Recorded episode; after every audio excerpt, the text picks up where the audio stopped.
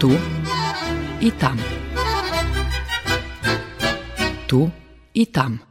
Emisija o Rusnacoch, ktorí žijú vonka zo Srbiji, ich prešlim i buducim živoce, aktualnih zbuvanjoh i međusobnih kontaktoh. Tu i tam. Dobry dzień, počitovani sluhače. U nješkajšej emisiji posluhajce rozvarku zo z Ruskinju z Ameriki. Ksenija Gramaho, narodzena Radić, žije na Floridi u Zjedinjenih amerických državoh, gdje pošla davno, keď mala 18 roki. Ja stihla do Ameriky 14. február 95. roku. To tak bolo, že uh, 93. roku, tedy bol rat u, hej, u, Jugoslaviji, bivšej Jugoslaviji, ta ja rodzena zapravo u Njemačkej. I kad sam bila mala, moja mama rešila da še vraci nazad i tako. Še z Njemecke vraceli nazad do Novog Sadu. I ja tam odrosla, ali sam mala, uh, moja teta, mamova šestra žila u Njemačkej, pa vecka z ocovi, uh, z ocového boku, moj otec z Bosni, a ta z joho boku, joho brat žil u Njemačkej. Takže sme mali dosť familií, dosť často sme chodzeli jak deti, každý rok, každý druhý rok do Nemeckej, hej. No tak keďže u bivšej Jugoslavii zaracelo, ja vecka počala častejšie do Nemeckej chodzizi, tam som i ostala. I tak što desalo, že moja teta, tota co bola u Njemecke, ona rišela tu da pridze do Ameriki i ja zoznju, ona svoju familiju rišela da preseli tu do Amerike, mala mogućnosti i ja zoznju prišla. Na kraju ona še vracela, a ja ostala. Ja, ja še našla tu u Ameriki i postala sam Amerikanka. do Floridina, do gradu Clearwateru. A, I teraz me tu, isto u gradu, u gradu Clearwateru, to na,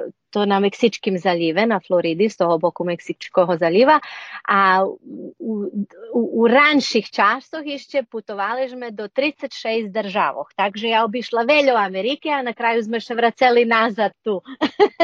da kedy še so s bratom šaljem, že ja mala bar predivne decinstvo u Novim Sadze, hej, do Kerestura sme chodzeli, do Bosne, mali sme veľký familiju u Bosne i u Keresture i to bilo také fine dzecinstvo, hej. A, I nažalost od rat nas jakošik, hej, uzburel všetkých. A, I brat, keď som, keď som pošla do Njemecke, také mi bolo, hej, bolo mi fino i u Njemecke, ale jakož osjećaju njemecke, že na njemeckim oni hvarja to Ausländer, že ši nje, tak ši tretirani, že ši nje ih ši, hej, nje, nje prihvac, nigde som nje osjećala prihvacena, ja tam mala i familiji šitsko vece, jak, jak tu co u Ameriki mam, um, ali hej, na 17, na 16, 17 roki, hej, za, za mladih nas, nas to šitsko interesantne, hej, Ali već kad sam do Amerike prišla, to bilo, hej, ja odrosla 80-ih rokov, z MTV, zo znaš, zo z američkima filmami, a vše to za mne, hej, to za nas bilo super Amerika, hej. No tak kad sam prišla tu, stvarno ljudi tu bar prihvatljivi, um, dumam ja še tako sam še osjećala jak da sam doma, hej, to baš tak, jak da sam doma. Je grad na vodi, znači ja živim u raju. ja se hvalim, ali je stvarno tak. A, znači, to na Meksičkim zalive i a, naša hiža nije baš na vodi, ali a, tu sme, tu sme a, blisko i a, to tak napravene, že plaža takie jak poluostrovo. Znači, naša hiža nije daleko od vodi, ali tu njet plaži. Kad ste na plažu, možemo prejsť jedno, pre, pre jednoho mosta prejsť, hej, tam kde je ostrova. No tá, uh, tam kde ostrova, tam fino, fino bar mám uh, pisok taký, mandundi, hej, až, až keď ho dodirneš, také jak puder. Sa to tak vypatralo, že ja zakončila vecka štrednju školu, zato že som nemala štrednju školu zakončenú. Zakončila som strednju školu i studirala som, počala som studirati tu programiranje i isto tak sam studirala u Santološkoj cerkvi. Santološka cerkva to um, oni imaju metodicu što dotika jak žic, dajući alatki, jak žic život ljepše, što dotika jak komunicirati ljepše, jak a, prežiť lepšie u životu, ja, u živoci, jak odnošiť sa so s druhýma, jak s decmi. A, I toto som studirala popri, popri hej, kompjuter programiranja. To bolo ešte, hej, tých, tých a, a, a, raných rokov, hej, keď kompjuteri internet Njemco počal, hej.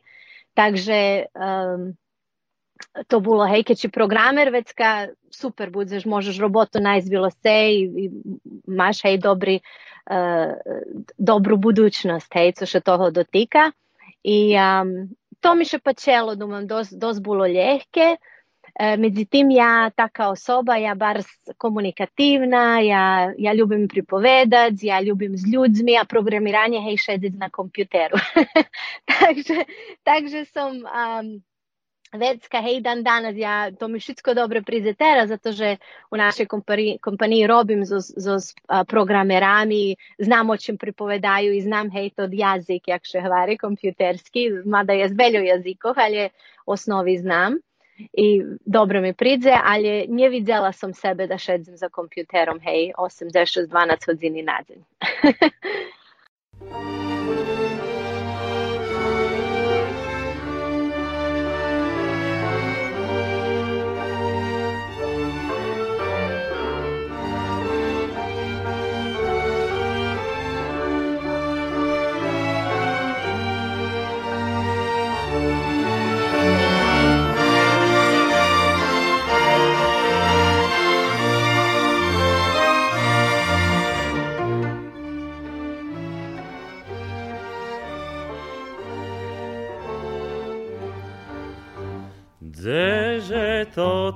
prosta drażka z Peremiślia do? Koniczkowi mi odpadła pozlacena podkowa. Nie żal mnie tej pozlacenej podkowi, żal mi tej mojej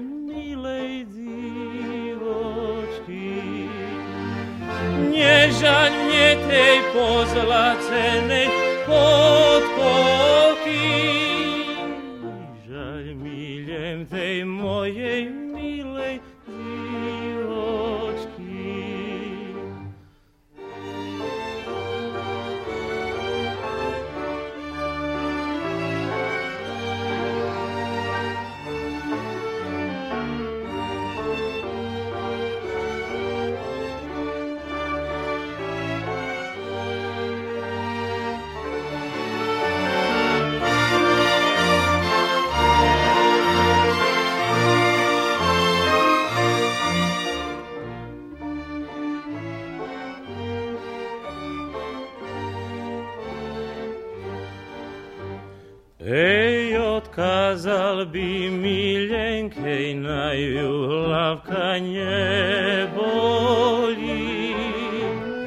Šaja pridzem po pokrejtku, jem dok budzem na voli. Ej, pričekaj, mila moja, pol ročka, dok vyslužim budzeš moja, ženoška. Ej, pričekaj, mila moja polročka,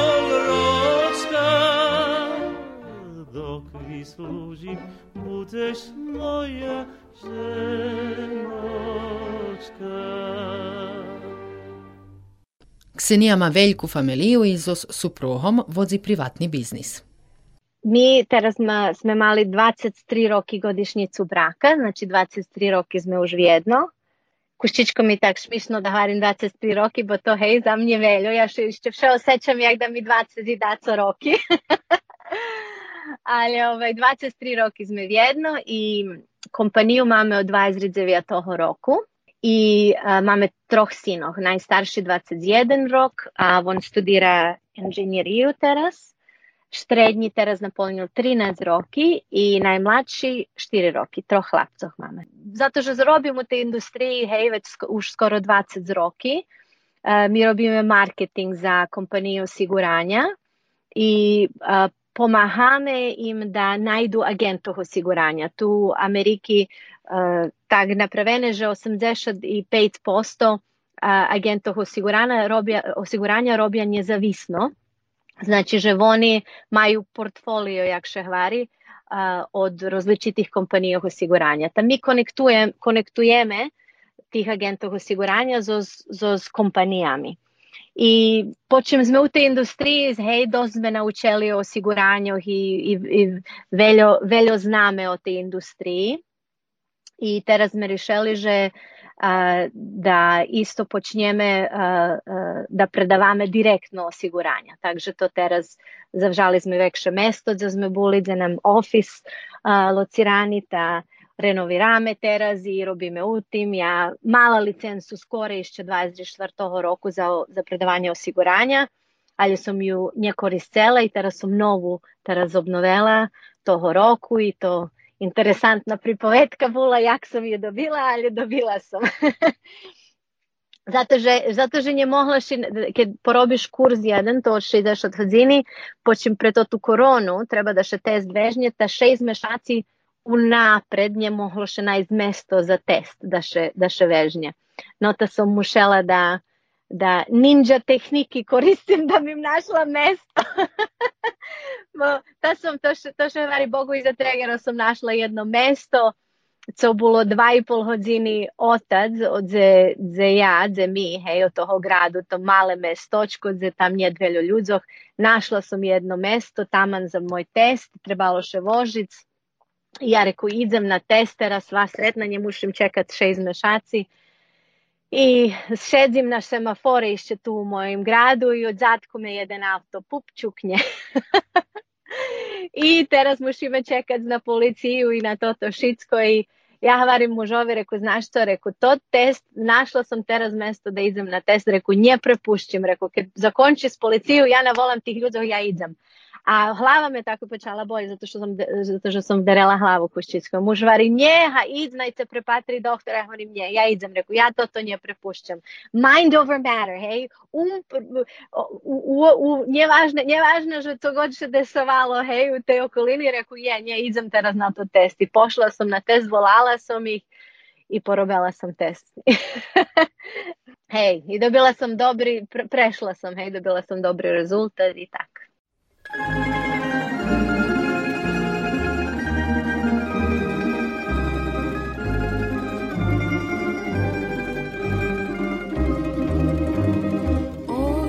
Meszaczku, meszaczoczku, nie szlic ty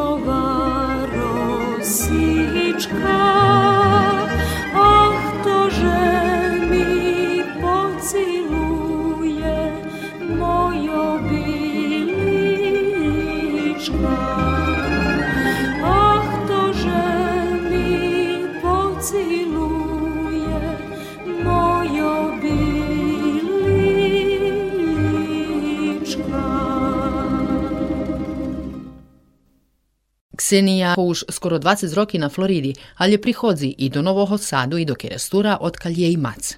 On nie chodzi tak często jak ja, ale ja bardziej z dziećmi idę. Evo teraz sam baš bula u januaru z e, štrednjim sinom. Mu tedy bilo 12 roki, to sme prišli i do Novog Sadu, i do Kerestura i Kuščičko smo na Koponik pošli isto. Moj muž e, uh, zos Guatemali, takže on španski pripoveda. Ja probovala deci učic, uh, mi keď še s peršim sinom, keď sme hej, mali pršoho, môj muž dosť putoval, takže ja so s malkim najstaršim tedy som i englejski, i španski, i serbski. A z maceru moju pripovedam rusinski. Takže on nie jednostavno, nie chcel prihvatiť za ni jeden jazik. Baba zo s njim isto na rusinski pokušala, uh, moj, moj tato tedy ešte še živi bol, ta on, hej, on serbski pripoveda, on da obovjazno deci učim serbski, takže ja serbski zo z njima, mada hej, rusinski pripovedam to, takže e, nažalost nje prihvaceli, ali znaju da jedni slova, zato že mama tu, ta mama i ja stalno po rusinski pripovedame i već kao oni, hej, dežeš i co robiš i tak je to ti osnovni slova, co, co, co nas sluhaju, že pripovedame. Baš moj najstarši sin isto prešloho roku bol tam u Novim Sadze u februaru i on tam, hej, imam brata i uh, on ima dvoje djeci, taj z njima moj najstarši sin isto prevedal koščičko času, taj serbski, hej, rusinski, ali je interesantno, že hej, oni tu čuju, jak ja z maceru pripovedam po rusinski, ta vecka z mojim bratom, oni mu rusinski slova, a jeho djeci nie pripovedaju po rusinski. Moj brat, hej, pripoveda, bo nas mazučala, ali oni već kao dumaju, že to serbski, a to zapravo rusinski slova.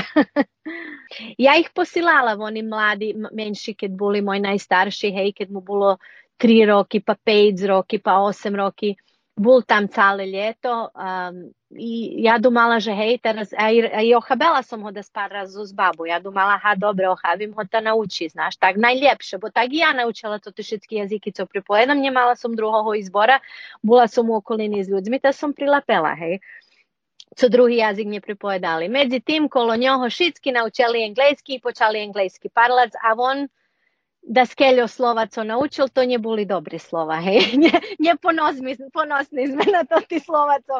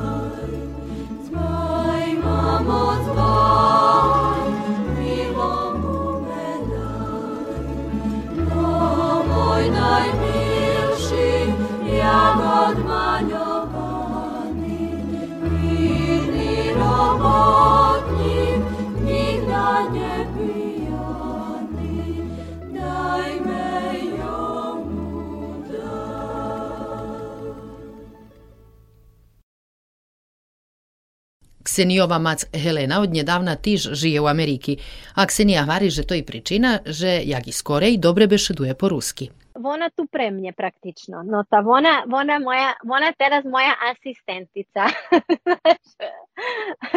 ja, ja je to to.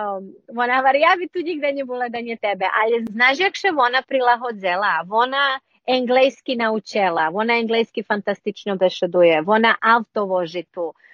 Po dućano hozi. Ona taka je vitalna žena, ona uopšte mi patra jak da je 70 roki, 71 rok. Ona šitsko parla, ona še všadzi najde ja, a hvarim ti, ona mi je asistentica, ona mi je tu po domu pomaha, so s decmi mi pomaha, keď treba ići shopping praviť, ona ide shopping pravi, ali ona ma, znaš, ide župa shopping, pa ona tu už- uživa. A mi máme, ona dva ezri i e, od, tu hodzi od dva ezri i trecoho, drugoho roku. Znači tu hodzi už od tedi i već kad sam jej perše napravila željenu kartu, to znači trajni boravak i već kad pošlo to, teraz varim državljanstvo toho roku dobila. Takže ona, tu je šest mešaci od, od, od šest, sedam mešaci každý rok i već kad ide kuščičko nazad i već kad še vraci oznova. Znači tu je už skoro 20 roki povedzme, ali je tak sam z nju bar zaduševena, bo je stvarno fantastična žena jak še prilagodzela i jaka je vitalna i polna energiji stvarno je super.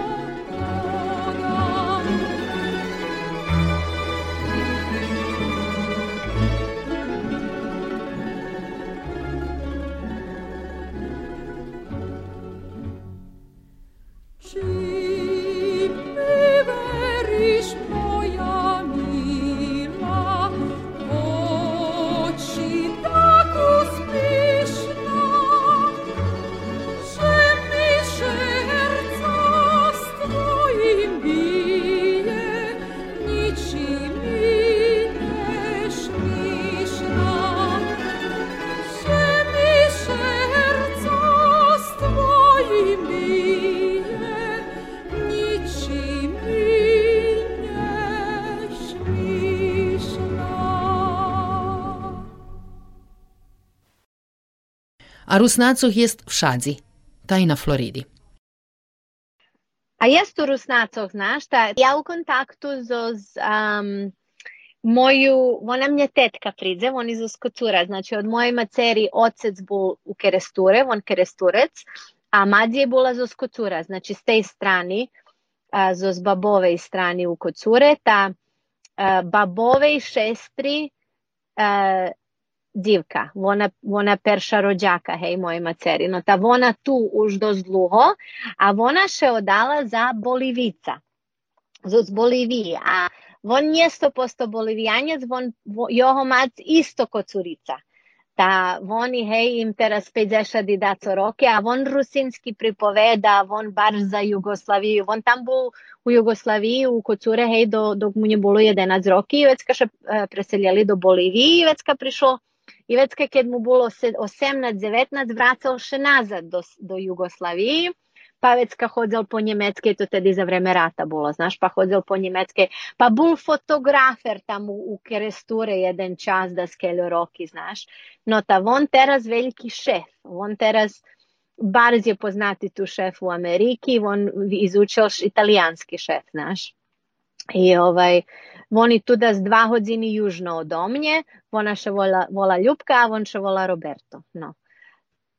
Ta, Вони, вони to, to. Tu su niedaleko, to oni, a vecka jezdi to zos, zos a, kocura jeszcze jedna, ona marča, думам, že je Emediova, a, Ona isto da hodinu dalje od omnje žije, ona jak, jak mlada isto pošla zos kocura, ona nam isto pride jakašik treca či štvarta koljano rodzina, ne znam ja. A vecka, Uh, isto u Kocuri jedan Julin, on tam žije da s tri hodzini pri, pri Jacksonville, to na uh, istočnej obali, znaš. A, a već kad sme nedavno upoznali, biti ti ih poznaš, Oljo. Oni dva djevčata, oni šestri iz Novosadu, a oni uh, pošli do Kanadi, kad pošli per Širas. A, ta, a oni vyrosli, dumam, že na novim naselju, znaš. No, ta voni u Orlandu, ta jedna od tih dzivčatov, one, voni tak naš rok, ona, ona 72. či štvarti, ne znam, otpriliki, a jej šestra 76. ta gija, bo ja 76. No, ta tota co je 72. treci rok, ona žije u Orlandu i voni toto, um, voni eh, uh, madzi jej, хоdzela z moju maceru do školi u Keresture, oni, oni do peršej klasi vjedno hodzeli. No ta sme ih boli posetiti da spred da skeljome šadzam. A da ti pojem interesantnu pripovetku, že jej šestra od tej, co je u Orlandu, toto co je 76 rok jak i ja, ta bula odata za peršim rođakom od, moj, od ženico moj brat zo z njo ženjeti. Ta jej perši rođak. Interesantno, jak še hvari na engleskim six degrees of separation, znaš, pogotovo među, našmi, među našima ljudmi, znaš.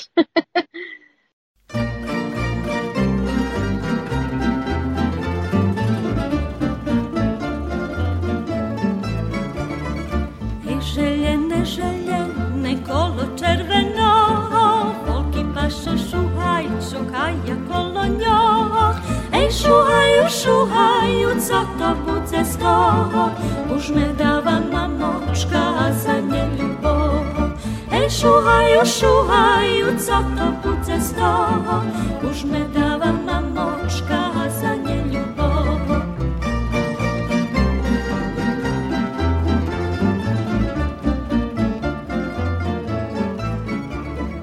Już my dawa